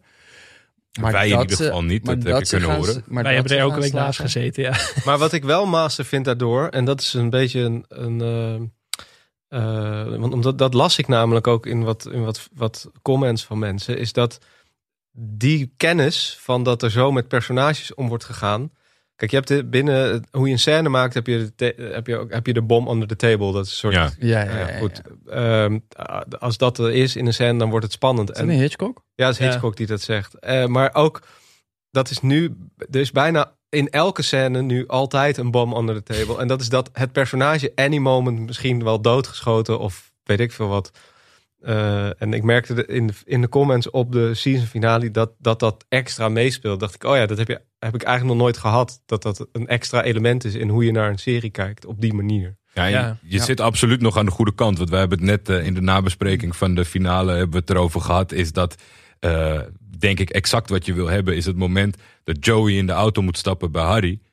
Is dat je gezonde verstand zegt, Ja. gaat niet gebeuren. Aan de andere kant denk je, het is deze serie, dus het kan gebeuren. Dus je komt helemaal in een innerlijke strijd van, "Ja, maar het gaat toch echt niet gebeuren. En dus, weet je, dat, dat Ja. werkt perfect. Dat je, dat je ook bij de ene, kan het dus zijn, hij wordt in één aflevering geïntroduceerd en hij is al weg. Eentje, die bouw je rustig op en die gaat weg. Dus dat is, die, die balans is uitstekend. Eh, ik zat nog wel, we hebben het een paar keer voorbij laten komen. Ik weet niet of dat actief iets is waar jullie mee spelen, als met schrijven of met, met, met montage of zo. Ik heb het idee dat er soms eh, met clichés wordt gespeeld. En dan ervoor zorgen dat het niet als een cliché uitpakt. Kijk, snap je dat een beetje? Er zijn vaak. jullie hadden een heel specifiek voorbeeld. Wat was het nou ook alweer? In de af- eh, Ja, dat was, dat was vorige week of, of twee weken terug. Oh, wacht. Je, je hebt het over de. eh, wat, wat een goed voorbeeld is, en dat is absoluut zo, is de scène. eh, Volgens mij was het de scène met Frits. nee, nee, nee. Waar Met, jullie eh, dat met de prostituee en Tata. Ja, Hij bestelt Ook. een hoertje. Mhm. Als kijker denk je daar. Hij heeft, je, je hebt hem ruzie zien hebben met zijn vrouw. Ja. Eh, hij slaapt niet meer thuis. Dus hij gaat even een nachtje ergens anders slapen. Hij bestelt een hoer. Op dat moment denk je als kijker. Oké, hij gaat even alle frustratie van zich afballen. ja. Wat En dat is dan ook oké. En dat is oké. hè. dat is wat je denkt als kijker. Maar wat gebeurt er? Is hij is gewoon fucking kleine lepeltje. Hij, Ja. heeft gewoon, het is ook gewoon, hij heeft ook gewoon. En dat vertelt zoveel meer over het karakter eh, Tata dan hij balt daar eh, de hele kamer rond of zij hem. Ja. Dat vertelt niet zoveel. Wat veel meer vertelt is, oké, hij wil gewoon met slapen en hij betaalt haar voor de hele nacht om alleen met te slapen en hij pakt haar arm en hij is een kleine lepel. Ja. En deze guy heeft gewoon eigenlijk pijn wat hij niet aan de anderen wil laten zien. Ja. Maar wij zien het als kijker wel. Dat is veel interessanter. Eh, dus dat is zo'n met een cliché spelen. Maar ja, ik had het dit seizoen zo'n paar keer dat je, dat je, dat je, je, je zou op iets afstevenen waarvan je hem eigenlijk, als je veel series en films hebt gekeken, dat je hem kan uittekenen. Maar het blijft dan, of, of het pakt juist wel goed uit, of het blijft op een, een verrassende wending hebben, zoals het kleine lepeltje. Dus eh, ja, dat is. eh, Oh ja, dat was dat schieten van Nadia. Daar hadden jullie het ook, ook mee, volgens mij. Hebben jullie het ook over Ja, die, vonden we, die vonden we lastig om. eh, we zijn, eh, zoals jullie gehoord hebben, niet de meest kritische podcast. Omdat we gewoon erg, erg ervan genieten. Maar daar zaten, we wel, daar zaten we wel een klein beetje mee van. eh, ja, dat, dat was naar het bos toe schieten, op elkaar oefenen, zeg maar. Ja, nou ja, dat die is vond dus ik heftig die- om, eh, om- kijk, om dat een plekje te geven. Dat is dus die herhaling waar ik het net over heb. Dat het steeds moeilijker is om dingen niet te gaan herhalen. Mhm. Want je vindt hem lastiger. Omdat we dat al bij Paus en Tata hebben gezien in seizoen 1. Als ze wapens gaan halen. Ja, En we zien ze schieten ehm, met eh, AK-47's. In, en in de, ruim, eh, in, in de verte heb je een ton waar dingen op staan en ze schieten dat kapot. Ja. Omdat je dat al hebt gezien. Dus ik, ook toen ik hem zelf in, in de montage zag, dacht ik ook van... Ah, kunnen we dit niet gewoon skippen of zo? Dit, dit hele sch- schietding. Omdat ik ook het gevoel had... Ik heb dit al gezien. Dit is, dit is niet origineel. Dit is niet nieuw. Ja. Dus waarom moeten we dit zien? het is ook Eh, lastig, want je moet dat karakter wel iets geven. je- wat, je, wat een omslagpunt is Ja. dat zij eh, Ja, ja, ja. Dat zij Ehm, ja, een alleen, ander pad kiest. Ehm, ja, maar dat had ook op een andere manier gekund. Ja. Maar dat is dan aan mij, de schrijver. Mhm. Ik had dan op dat moment moeten weten... oh wacht, dat heb je al daar en daar gedaan. Ja. Dus misschien is het beter als je hier voor iets anders kiest. Maar dit is dan wel echt de uitzondering. Want meestal is juist jullie kracht om een beetje om die clichés heen te dansen. Terwijl wij denken als kijker van dit cliché komt eraan. En dan maak je net even een andere keuze. Is dat ook gewoon omdat je zelf heel veel hebt gezien vroeger? Ongetwijfeld. Ja, ja, ongetwijfeld. Ik zie nog steeds heel veel, maar eh, ja, ik ben zeker wel daarin geschoold. En ik denk, ja, jij ook. Ik bedoel, we, ja, we zitten gewoon in het vak. Dus eh, je, kijkt dingen niet alleen als entertainment, maar ook gewoon als huiswerk. En ik schuw, ik schuw zelf clichés ook nooit echt of zo. ik ben niet bang voor clichés of zo. Bijvoorbeeld zo'n scène, wat, een, wat ik een van de. Ja, wat ik gewoon een toffe scène vind geworden, is die scène in de auto met komt goed een potlood. Een potlood die hem bedreigt, zeg maar. Mhm. En dat is typisch. Ik hou van dat soort scènes draaien. Het zijn, het zijn gewoon maar drie of vier instellingen, max of zo. En eh, een van mijn grote inspiratiebronnen daarin is Heat. Want dat, Ja. is ook, dat is ook een film. Daar zitten ook soms gesprekken in een auto, net op een vette locatie. Vier shots of zo. En dan wordt gewoon even wat plotinformatie of een nieuwe wending of een nieuwe opdracht gedeeld. En het, en het zijn nooit ingewikkelde shots. Het is gewoon heel effectief. Het is crime, zeg maar. Het is gewoon echt het genre. Eh, maar gewoon vet of zo. Het is gewoon spannend, goede acteurs. En daar moet je ook niet voor weglopen binnen zo'n serie. En dat, dat vind ik heel leuk om te doen. Juist ook omdat je inderdaad af en toe dingen helemaal op zijn kop zet. Het, het genre valt net crime. Dan denk ik, is, een, het is een mooi bruggetje naar een andere vraag. Hoe belangrijk is humor voor jullie? Of gebeurt het gewoon in de serie af en toe? Wat, Nou, voor, voor mij is, is, eh, is het wel heel belangrijk. ja, Ehm, ook omdat het best wel zware mate- materie is. En eh, ik, ja, het is gewoon leuk om af en toe wat luchtige momenten in die wereld te hebben. Je, het, het is voor de kijker ook gewoon niet prettig als continu. Het staat al continu op spanning. mhm. Dus iedere keer als er iets van lucht er doorheen kan, dan eh, werkt dat al zo goed, omdat die hele aflevering onder spanning staat. Dus je hebt niet eens zo heel veel nodig. nee. Het zijn van die kleine momenten onderling. En dat is waar zo'n Tornado fantastisch in is. Het zijn van dat soort momenten even. Die at the same time zijn die scènes ook gewoon bloedserieus. Ja, wat het heel mooi naar voren komt, bijvoorbeeld in die laatste aflevering, dat je een scène hebt dat, eh, dat Tornado het woonwagenkamp oploopt. En dat hij nog even eh, dag mevrouw zegt tegen Ja, een oude vrouw ja. bijvoorbeeld. Dat, het, het is dus heel spannend, maar het is ook heel grappig tegelijkertijd. Exactly. Eh, en ja, en dat. eh, dus die, die, die balans daar is, is heel belangrijk. Het moet niet. eh, het, het een moet het ander niet overstijgen. nee. Nee, en het moet ook kloppen bij personage. Het zou heel raar zijn als we Abdel Hak ineens een grap zouden gaan laten maken of zo. Ja. Eh, Behalve als die niet werkt en dat zijn triestheid extra aanzet, zeg maar. Eh, maar daar zou je niet per se snel humor in brengen. Het moet wel binnen een bepaalde verhaallijn passen. Eh, en los daarvan ken je ook wel veel verhalen van uit dit milieu of een net wat ouder milieu waar gewoon wat gewoon ook leuke gasten zijn om mee te hangen. Dat is het ding toch? Het zijn de gezelligste mensen, zolang Ja, je maar ja. niet eh, op, op zaken gaat. Precies. En, en, en met elkaar ook. En, en er gebeuren natuurlijk ook domme dingen. Ik bedoel, eh, en grappige dingen. En dat moet je ook ontluchten op de een of andere manier. Dus dat past er wel bij. Eh, het is alleen, ja, de balans is gewoon heel belangrijk. Ja, ik heb wel het idee dat die balans er steeds meer in is gekomen. Zeker dit seizoen vond ik dat steeds beter werken. Ik weet niet of dat eh, in het schrijfproces nog eh, een bewuste keuze is Ehm, geweest. Nou, het is niet, het is niet een bewuste keus geweest. Maar ik eh, check altijd wel of het klopt voordat ik ze inlever. Voordat ik de scenario's inlever, moet het wel, er moet wel iets van lucht in zitten. Ik vind het ook gewoon leuk om dat soort scènes te schrijven. Mhm. Dus eh, als ze er moet ook in- zeggen, dat, bedoel, daar ben je ook echt goed in, zeg maar. Oh. Comedy schrijven is echt lastig. En ik zeg, al- hoe vaak heb ik al tegen je gezegd dat je gewoon ook een keer echt een comedy moet schrijven. Ja, maar dat, dat is een beetje het Ja. ding. Ik denk als je, als je deze zeven afleveringen verknipt en er een comedy pilot van maakt, nou, dan ben je leuker dan al het andere aanbod in Nederland, zeg maar. Met, die- met die pure details en samenloop van omstandigheden en natuurlijk geschreven eh, situaties. Het is, het, ja, nou ja, de, de achterliggende gedachte is mooi en eh, eh, hoe het uitpakt eh, is eh, zeer belangrijk voor het geheel, denk ik. Ja, en ik merk ook wel zo'n scène met over Said Aouta bijvoorbeeld. Ja. Ja, ja, ja. Ehm, eh, ik, Awita. au- ja, die ehm, ehm, Wat ook gewoon een stukje geschiedenis is. is een hè, stukje geschiedenis. Ja, geeft. er zit een soort stukje geschiedenis in. Maar het is grappig. ook dat ik dat we die die scène heb ik toevallig zat die op een draaidag van mij. Toen was Bobby volgens mij even weg, dus ik moest die doen. En dan heb je het zo met mensen erover en sommige mensen die en dat is niet, niet, niet kritiek of zo op het team, maar meer sommige mensen hebben dan van ja, waarom zit die scène er eigenlijk in? En eh, het- ik klop, het, Snappen hem niet. Ik snap hem niet. Of, en maar vervolgens is het wel om gewoon een belangrijke scène voor de toon. Ja. Eh, en, en is het grappig. En wist ik ook, ja, Ice gaat dat killen. En weet je wel, het is gewoon vet of zo.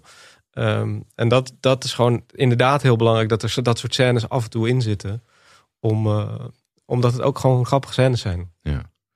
Het gaat wel eens over, eh, over eh, budget in Nederland. Dat het allemaal niet, eh, niet heel riant is. Ik denk altijd aan de andere kant dat het ook het beste in je naar boven haalt. De serie heeft natuurlijk wel steeds meer succes. Merk je daar zelf, nou ja, is een beetje gek misschien om, om dat prettig te ervaren. Maar word je beperkt in je mogelijkheden of, of haalt dit het beste in jullie naar boven? Of is het helemaal niet waar en hebben jullie riante budgetten en eh, staan de caravans en... eh, Nou, ik zou graag het budget willen hebben van sommige andere dramaseries eh die gemaakt worden hier in het land. Ja. Ehm, daar, daar zouden we wel het een en ander mee kunnen, denk ik. Absoluut. Ehm, maar goed, misschien wil jij hier wat over vertellen. Nou Over ja, meer, hey. Het is gewoon meer tijd, toch? We hebben gewoon meer tijd en je kunt toffere dingen doen. Ja, het is gewoon, eh, het is echt keihard werken. En, eh, en we hebben echt weinig middelen. Som, som, maar tegelijkertijd, ehm, eh, dat is heel uitdagend. En het is ook dat je af en toe denkt van shit, hadden we maar twee dagen extra of hadden we maar een stuntman vier dagen langer of kon ik nog maar duizend kogels verschieten, zeg maar. Kon nog maar gaan filmen in Dubai. Of, dat- kon- ja, weet je. Of inderdaad. Of, nou, dat, dat, dat zijn uitdagingen.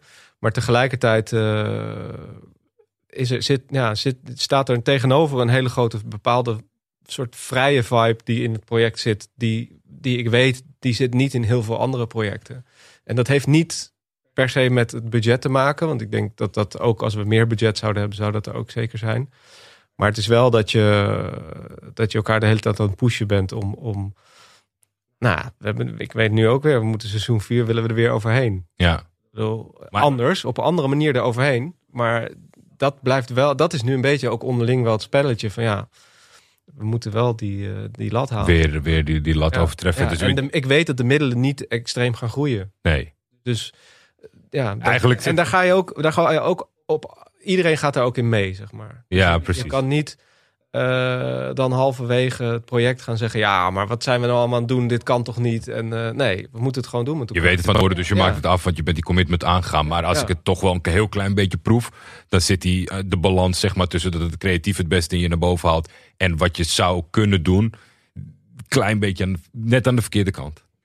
Nou ja, ja het, is gewoon, het le- legt gewoon een hele hoge, hoge druk op de planning. Ja. Dat is het gewoon. Ja. En daardoor wordt het heel challenging en is het gewoon, kost het veel energie. Maar tegelijkertijd is het gewoon het allerleukste project om op de set te staan. Ja, kijk, en ook als je gewoon Ja. meer budget krijgt. Dan worden die Of- of problemen het- niet kleiner. die- Inderdaad, Nee. die problemen die blijven bestaan. Want dan wil je ook meer waarschijnlijk. Ja. Ja, ja, ja, ja. dus je moet gewoon met meer dingen rekening houden. Ehm, dus ja, it is what it is. En aan de andere kant, bij de NPO was je waarschijnlijk nooit weggekomen met wat jullie nu aan het maken zijn. Denk ik toch in heel veel opzichten. Eh, nu misschien wel, Ja. maar voor eerst seizoen absoluut niet. Of het nou taalgebruik of de casting is, dat had je no nooit gered, way. toch? Nee, ik... ehm, Maar ook het creatieve proces niet. mm, het begin niet inderdaad. Nee, nu... Als ik, als soort, Ja, maar als dan ik stap nu je anders ga binnen. maken, da- dan stap je anders binnen. Ja. Dan is het, oh nee, dit is een maker die moet je zijn vrijheid geven, want dan is hij op zijn best. Ja. Laat hem maar lekker spelen en laat hem maar lekker doen. En we zien het wel als het inlevert. Alsnog hè, worden daar dan mensen bij gezet vanuit een omroep. Of, ehm, maar dat is bij, bij Videoland, ja, het is gewoon meer vrijheid. Ook omdat misschien de lijnen korter zijn. Omdat ik daar, eh, nou, ik heb daar heel lang voor gewerkt. Hè. Ik heb Moordvrouw. Ja. denk ik, zeven seizoenen of zo gedaan. Dus eh, op een gegeven moment ken je wel de, ja, de, de mensen achter de schermen. Het is eigenlijk ook best wel gewoon een klein bedrijf. Eh, Dat scheelt ook wel misschien in vergelijking met een Netflix het gaat wel door naar boven, naar de Bertelsman en de Mhm. aandeelhouders en al de, en eh, het systeem, zeg maar, daarboven. Maar de, de, de, de beleidsbepalers op microniveau, daar sta je eigenlijk gewoon direct mee in contact. En heb je eigenlijk vanaf het begin volledige creatieve vrijheid ge- gehad? Of was er wel eens iemand die zei van je moet eh, die, die Oh, in figuur het begin deed ik het met Thijs. Hè? Dus het eerste toen was Thijs er nog bij. En eh, hij heeft me... Ik, ik had daar wel de volledige vrijheid. Ook omdat hij er was. Thijs Reumer. Ja, ja, ja. En eh, na, het eerste, na het eerste seizoen heb ik het alleen gedaan. Maar goed, die vrijheid was gewoon nog steeds. ehm, de, er is wel een team vanuit Videoland die je ondersteunt. Ja. Dus die meeleest, die notes geeft. Eh, maar dat zijn gewoon goede mensen. Dat is gewoon Antoinette Beumer bijvoorbeeld. Ja, Mhm. die heeft zoveel gemaakt in het leven. Natuurlijk ga ik daar naar luisteren als zij iets zegt. Weet je, dat is, dat is, het is fijn om, om, eh, om zo'n klankbord te hebben. Of dat soort mensen eh, op dat bord te hebben. Dus dat is alleen maar prettig. Het moet niet zo zijn dat er te veel mensen over gaan meepraten... die eigenlijk niet echt verstand hebben van de inhoud. Ja. Eh, maar dat gebeurt gelukkig niet. Het, het- neemt een heel groot deel, denk ik, van je jaar of, of ja, van je leven in beslag op dit moment. Ja, ja, ja. Geen, Ja, eigenlijk ja. Is, er ruimte, is er ruimte voor andere dingen om over na te denken of aan te schrijven? Of, of zit je helemaal in die. Ja hoor, jawel. Ja? ik ben tegelijkertijd wel het een en ander eh, ernaast aan het doen. Ik, het is wel echt shit. Het is gewoon zwaar. Het is gewoon heel zwaar. Ik merk dat er ook gewoon aan mezelf. Ja. Dat ik echt af en toe een beetje rust moet nemen. Dat mijn hoofd gewoon veel te vol raakt. Maar ehm, Maar hoe, hoe tof is het ook om te zien, zeg maar, dat, dat. Want jij bent mega invested en dan is het nu geen, geen, geen dag of een binge dag of wat dan ook, maar zeven weken lang met social media. Want al die screenshots die maken zichzelf niet. Maar het hele team Ja, doet ja. mee, zeg maar. Alle, alle acteurs zijn, zitten bijna op hetzelfde level qua, qua delen. Dus dat, dat moet ook wel eh, een, een leuke periode zijn, denk ik. Aan de andere kant, het ja, zeker. En daarom blijf je ook delen. Toch? Ja. Omdat iedereen het doet. En ehm, ja, dan, dan wil je niet de guy zijn die zegt... oh nee, ik ben de showrunner, dus eh, ik sta daarboven en ik doe niks. Nee. Doen jullie allemaal maar delen. Nee, ik wil juist delen. ja, precies. Ik wil juist lezen. Ja, dat- je ziet dat helemaal niet. Terwijl het zo logisch is als jij de maker bent. Je ziel en zaligheid zit erin.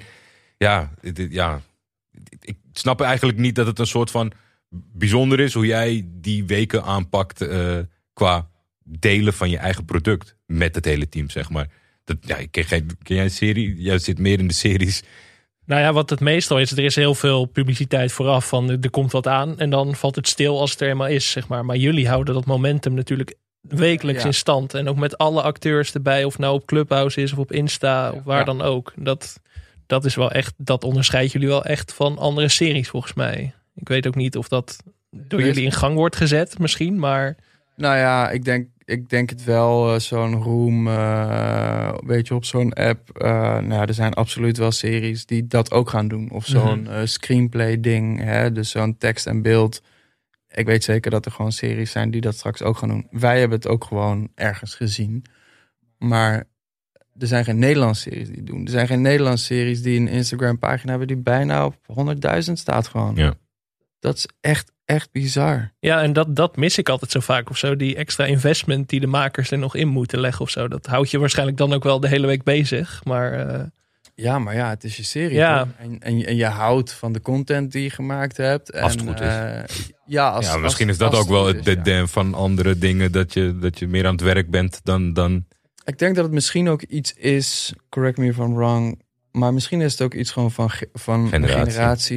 ja. Wij zijn veel meer de internetgeneratie. En ik denk dat makers daar, die net een generatie daarboven zitten, dat veel minder voelen of zo. Ja. Eh, ik ben er gewoon bij geweest toen internet letterlijk ontstond en foto's zeg maar aan het laden waren. Echt basically lijn voor lijn. ja, En dan moest je gewoon een half uur wachten Mm. op één plaatje van een voetbalspeler. Of niet zo. kunnen bellen.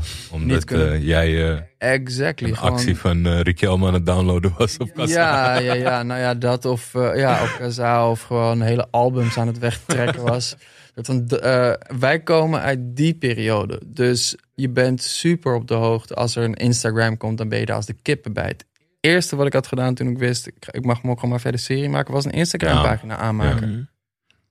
Eerste wat ik deed. Omdat ik wist, oké, dit is hoe we die jongeren moeten gaan bereiken. Want eh, ik bedoel, ik geloof wel in natuurlijk de manieren die Videoland heeft. Maar voor hun was het ook een nieuwe wereld. Want zij hadden nul content Ja. die voor die doelgroep was. Dus hoe weten zij hoe ze dan de marketing moeten aanpakken? Ja. Ehm, nou ja, ik, ik heb daar wel ideeën dan over. En die probeer je dan te delen. Of je probeert te laten zien.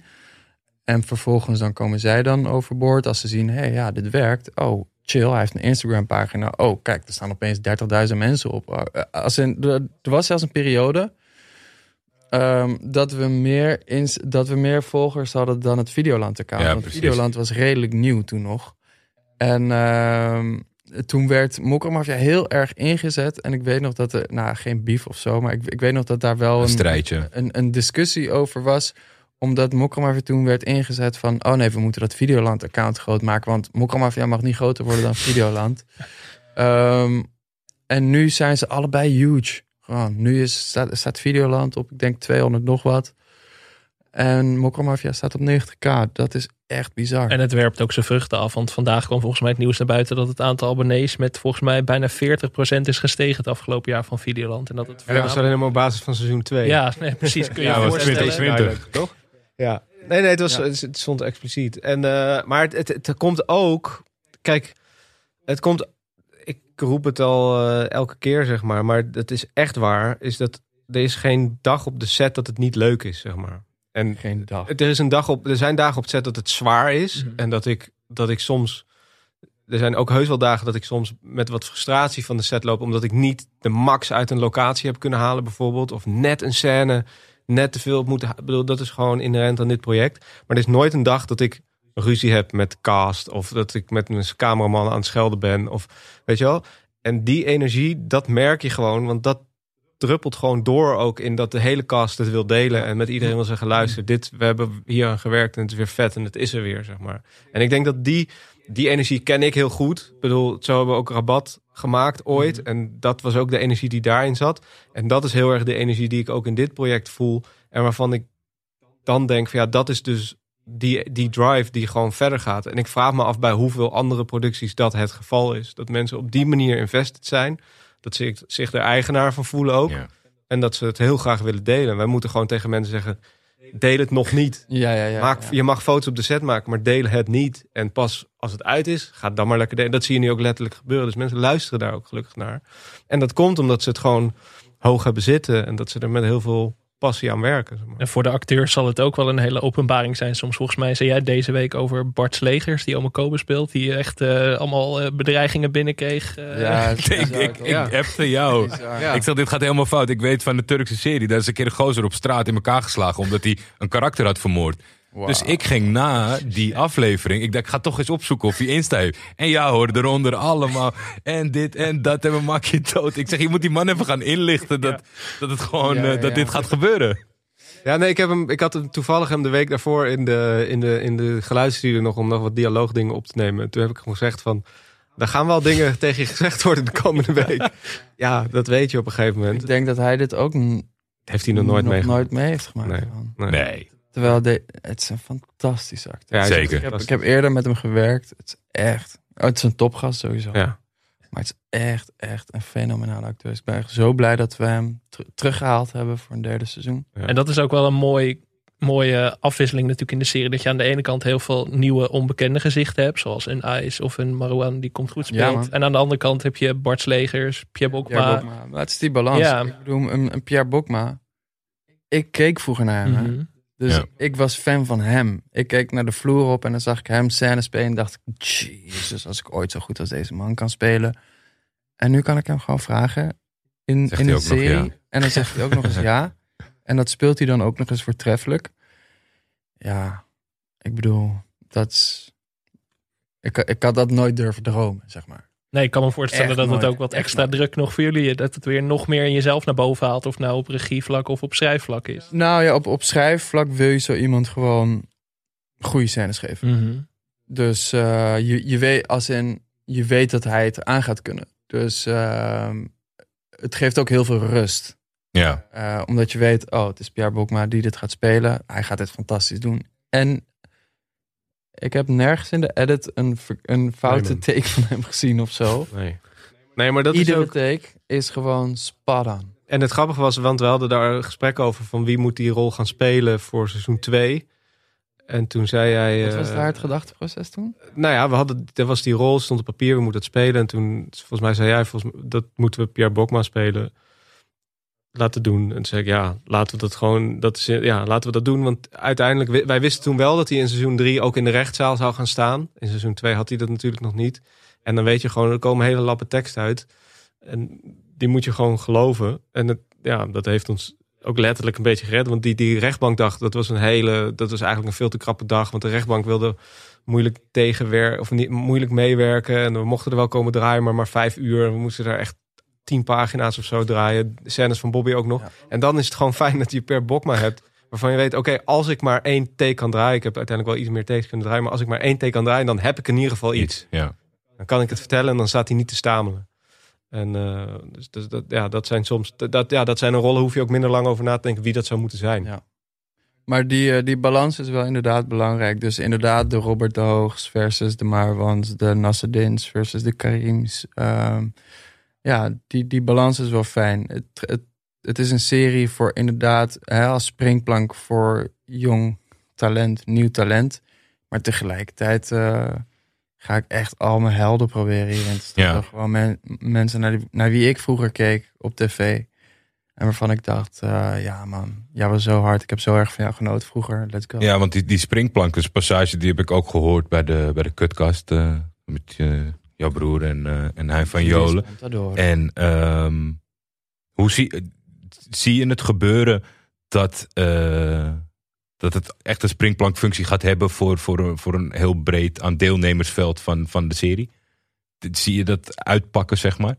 Wat, Ehm, als in meer dan de twee die doorgebroken zijn, bedoel je of zo? ja, misschien maar nog, nog breder of zo. Want ik heb toch een beetje het idee dat, dat we hebben in Nederland natuurlijk wel een beetje te maken met typecasting en zo. Hoeveel, hoeveel ruimte gaat er voor die jongens ontstaan dat ze zich hier bewijzen als bijvoorbeeld een Ice dat een ander iets anders op zijn pad komt in film of serieland? Denk je dat dat, dat, dat erg open wel, ligt ja. of valt Ja, dat tegen? Ja? Nee, dat, eh, dat ligt volledig open. Ik denk dat, ik weet dat sinds Mokromafia 1 zijn er, sinds het succes van Mokromafia 1 zijn er, ik denk, zes projecten op groen gegaan eh, voor die doelgroepen. Of eh, ehm, met, met, met zo'n diverse cast.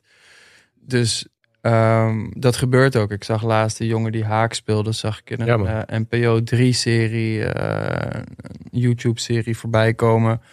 Eh, nou ja, we weten natuurlijk van Oes, die is genoemd. Bilal is een wereldster geworden. Ja. Tenminste, een wereldster, een superster. Ehm, dat gaat voor meer gebeuren. Ja. Dat, ehm, de jongen die Elias speelde zit bij ITA.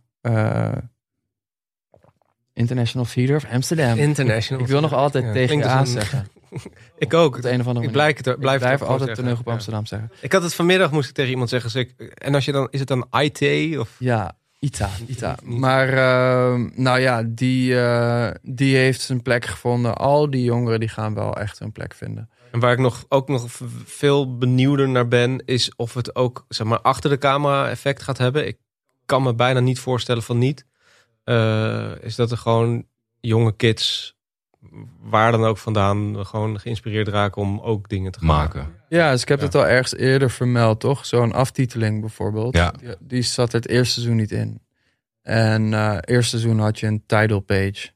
Eh, of, of, of tenminste een title page, een eh, En? leader. Leader Oké. met leadermuziek. En dan zag je oeh, de, de creative producer en een paar hoofdrolnamen en that's it. En toen dacht ik van ja, voor het tweede seizoen, als in die, al die jonge kijkers, die willen allemaal acteur worden. Ze moeten Maar er, is, maar er is zoveel meer om te doen om mee te kunnen werken aan een productie als Mokromafia. Ja. Dus toen dacht ik, waarom laten we niet gewoon die aftitelingslijst zien met een catchy nummer erbij of met een tof nummer erbij. Eh, waardoor ze gewoon kunnen lezen. Ja. Waardoor ze gewoon al die beroepen kunnen lezen. En als er maar, zeg maar, als het lampje maar gaat branden bij drie kids, bij drie jongeren die dan denken, hé, hey, laat me mijn telefoon erbij pakken. Wat betekent dit precies? Oh, dit kan je daar gaan doen. Hé, hey, misschien kan ik me aanmelden. I don't know. Lijkt me wel tof.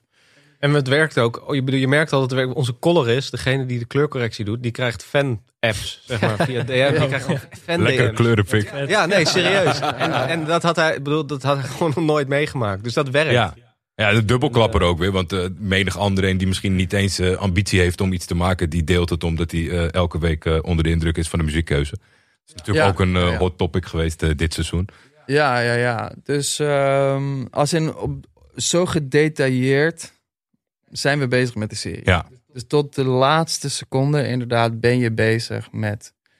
Oké, als in wat kunnen we doen voor de jongeren? Of eh, ben je bezig met zaadjes planten voor, eh, kijk, dit, is ook, dit zou ook jouw toekomst kunnen zijn, weet je. Ja. Je, je, hoeft niet eh, weer naar de shisha lounge. Je kunt gewoon eh, Actief iets maken. sla gewoon je telefoon op, ga naar YouTube en kijk, omdat je geïnteresseerd bent in, hey, wat doet een editor precies? Ja.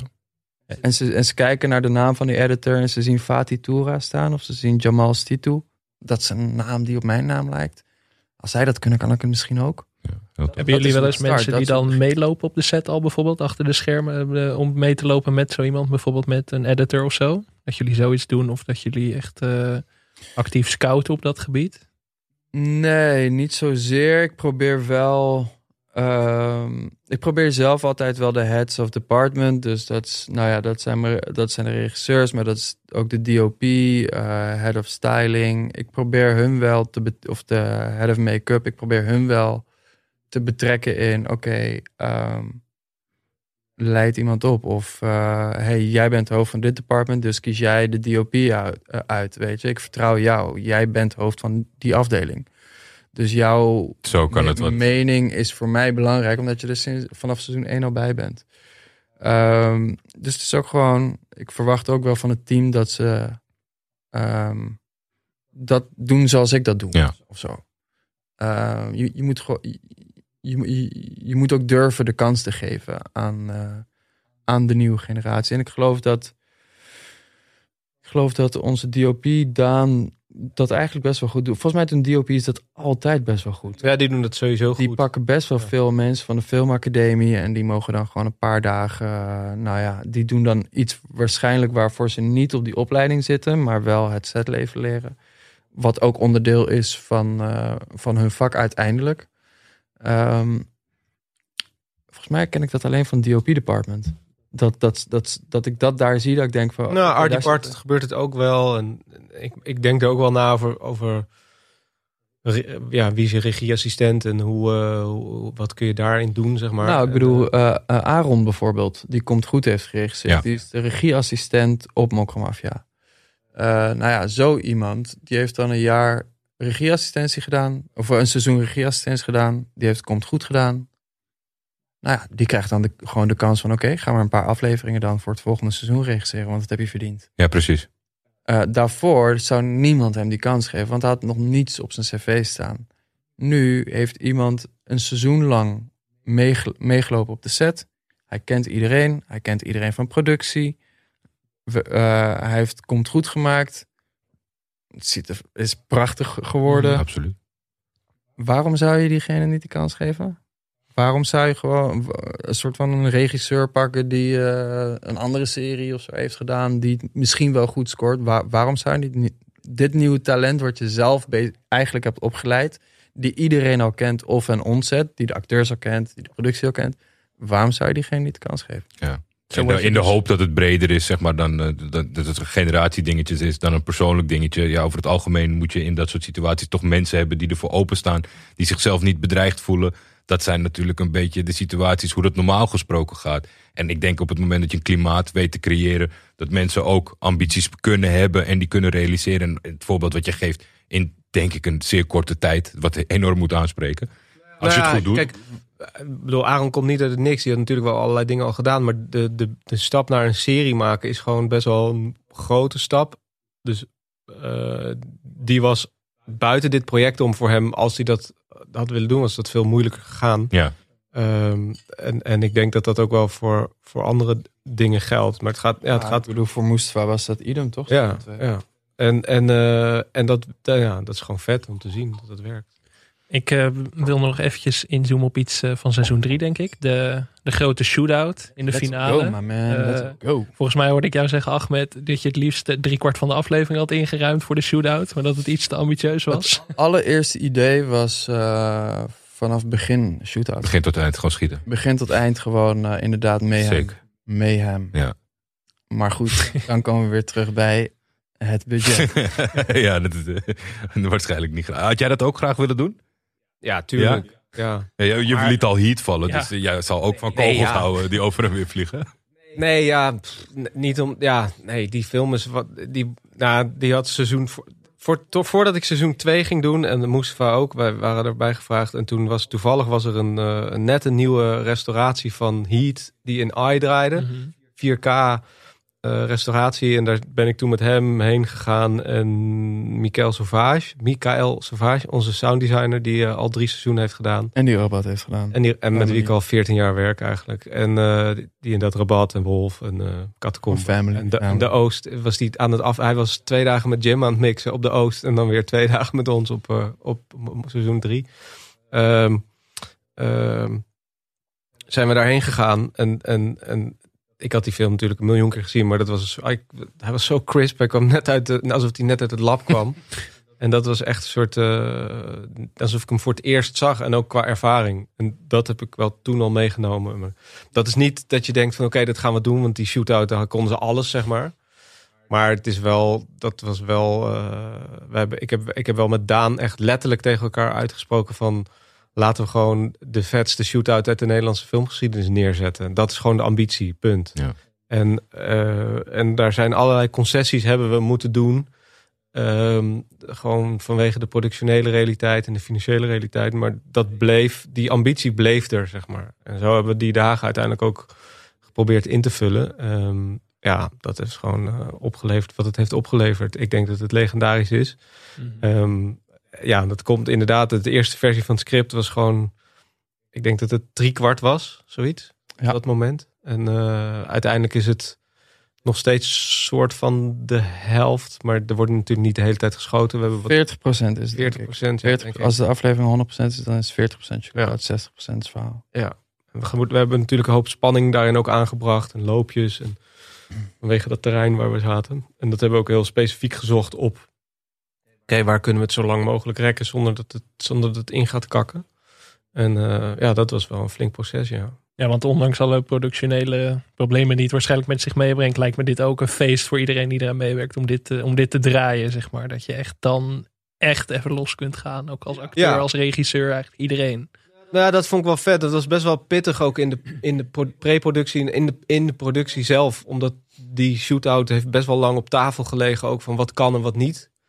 En, eh, en dat leidde ook om- omdat het allemaal onder druk stond. En je in zo'n blok zit en iedereen moe is. Ook tot best wel wat discussies en verhitte discussies op een gegeven moment. Gewoon binnen het team. Niet op een vervelende manier, maar gewoon van wat kunnen we nou en hoe kunnen we dat nou doen. En op een gegeven moment zat ik in een gesprek met, eh, met Robert Post, de producent. En die zei, alles aside, zeg maar. We gaan nu dit doen. Dit kan. We weten dat dit kan. En, maar, en het is best wel zwaar, maar geniet er ook van. Want we gaan wel iets vets doen. Ja. Dacht ik, ja, dat is ook echt wel zo. En, eh, en die, we hebben dat toen in vier dagen hebben we op dat terrein gedraaid. Niet alle dagen hebben we daar shootout gedraaid.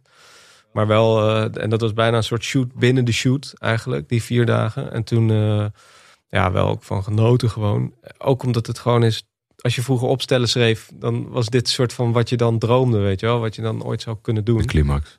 Ja, en dat is wel gewoon, je gewoon met 18 wapens op de set gewoon. En, eh, en eh, ja, gewoon een hele vette make-up op Ahmed. En dat het gewoon echt, eh, ja, dat je, dat je ook ziet op beeld wat je draait, dat het, gewoon, dat het gewoon iets gaat zijn wat ik nog niet eerder had gezien. zeg maar. En ook niet zelf eerder had gedaan. En dat je dan gewoon denkt, ja, fuck. Het was voor mij gewoon chillen, gewoon rustig op de stoel zitten. Ja, Ja, voor jou wel, ja. ja. Lekker afwachten tot jullie klaar zijn.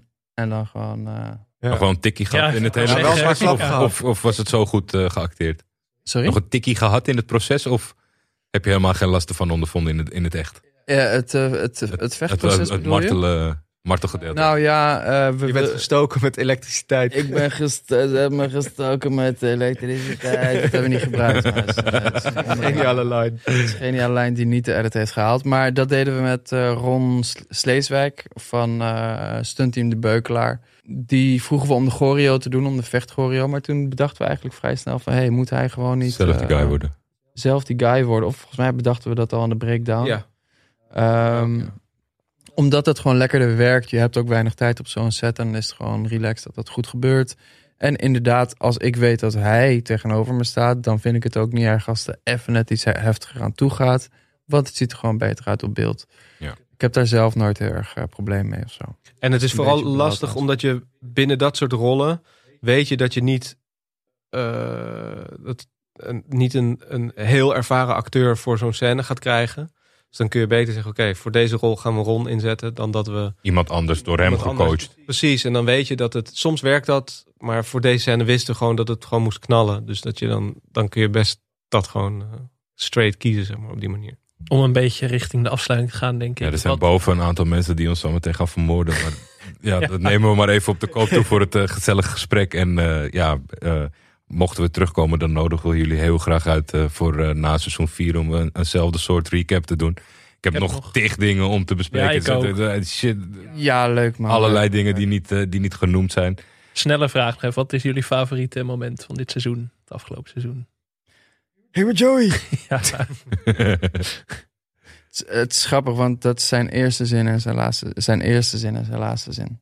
Ik ben Joe, ja. Zijn eer- Oh, eh, ja. de, de eerste scène dat hij dat zegt is eh, als eh, Ashraf aankomt op dat terrein en eh Tata komt naar buiten met zijn eh, eieren met spek. En Joey komt achter hem aanlopen en zegt, ik ben Joey. En vervolgens in de container, je hoort hem niet heel goed Je hoort hem niet zo helaas. goed, maar hij wordt wel gezegd. Maar hij wordt wel gezegd als Nadira zo dat ding op hem richt. Oh, die heb ik, dacht, ik dacht heel... Ik dacht, ja, is dat wat hij roept? Oh, Ja, Ik dacht heel even dat hij Robert Hoog aan het napraten was. nee, dat hij eruit zegt, schoot. Ik ben, ik ben Joey. Oh, Zeg oké. Hij zegt, ik ben Joey. helemaal Eh, gemist. Dat vallen wij weer door de mand als... Ja, dat zijn van die, nou, ook dat zijn van die kleine details Ja. ehm, heel vet. eh, die, eh, nou ja, die hard zijn. Maar goed, ik, met alle liefde komen we terug, toch? Zeker. Ja, man. Wat was jouw eh, favoriete moment? Was dat de shootout? Eh, het, is een, het, is een, het is een wedijver in mijn hoofd tussen de scène tussen Paus en Samira in de Ja. tuin. Oh, zeker. En, eh, en, en de scène van Tornado op Op het kamp. kamp, ja. Dat zijn twee scènes die met elkaar. Dat zijn, ja, ik ben heel trots op die twee scènes eigenlijk. Ik denk dat die eerste... En wacht, en, en een scène die niet uit jouw blok komt. Dus uit, uit Ehm. Bobby's blok bijvoorbeeld, aflevering 1 tot en met 3. Even denken hoor. Eh, is ook de ik weet, ik weet nog dat ik zijn aflevering zat te kijken. De scène waar Samira bij taxi komt in het ziekenhuis. eh, en zij, eh, dat is niet de eerste scène dat shot dat je op haar ingaat. Maar eigenlijk dat ze bij hem komt en zij dat gesprekje hebben met die slipper. Ja. Ja, ja, ja. ja. Eh, dat vond ik van haar ook een fantastische scène. Ja. Dus dat was voor mij, dat, dat vond ik ook gewoon heel echt vet tof moment. Of zo. Ik verwacht Paus en Samira bij de, bij de liefhebbers en de puristen. En ik verwacht Tornado bij de people. Qua, Qua, ja, qua blijven hangen, Ja, qua ja, ja. legendarischheid. Ja.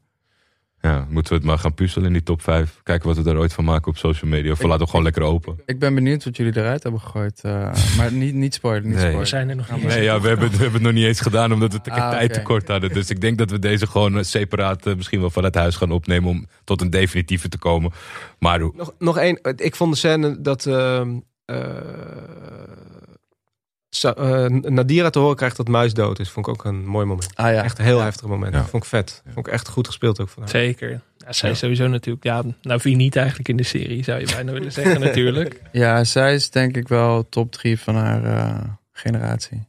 Qua actrices. Dat, eh, dat, eh, die mening deel ik. Die mening Ja. deel jij ook. Ondanks dat, ook. eh, ondanks dat er wat wrok zat eh, over de richting het einde, Joey. ja, nee, kijk, je kan gewoon niet Joey niet vermoorden. Ik merkte gewoon, al mijn empathie was gewoon weg in één keer voor haar. Maar dat is dus super interessant. Want je bent het hele by seizoen design. Ben je aan het, ja, by design. Want het hele seizoen ben je aan het routen voor Nadira. Ja. Hele seizoen. Sterker nog, drie seizoenen lang. Mhm. En door die move, Zeker. Op het moment dat zij dan haar wapen op pauze richt, ben je in conflict met je eigen gevoel. Want al drie seizoenen wil je dat pauze doodgaat. En op het moment dat zij dat wapen richt, ben je toch in conflict met je gevoel van... Waar gaat het heen Eh, zonder hem? Nou, dat, maar ook... eh, nee, ik, eh, ben ik nu wel voor Nadira of ben ik nu niet voor Nadira? Want ze heeft net deze move gepoeld. Nou, en, en dat gevecht van die emoties in de kijker zelf... Ja, dat is- dat is goud, man. Daar doen we het voor. Ja, Daar doen we het voor. Ja, het- is een AB-test. Hij had nog een klein beetje gevoel toen, toen ze door haar hoofd werd geschoten. En ik, eh, ik, eh, Ja, ik was er wel prima. kapot van, maar jij was, eh, jij was jouw, jouw richting het doodschieten van Joey was gewoon te groot.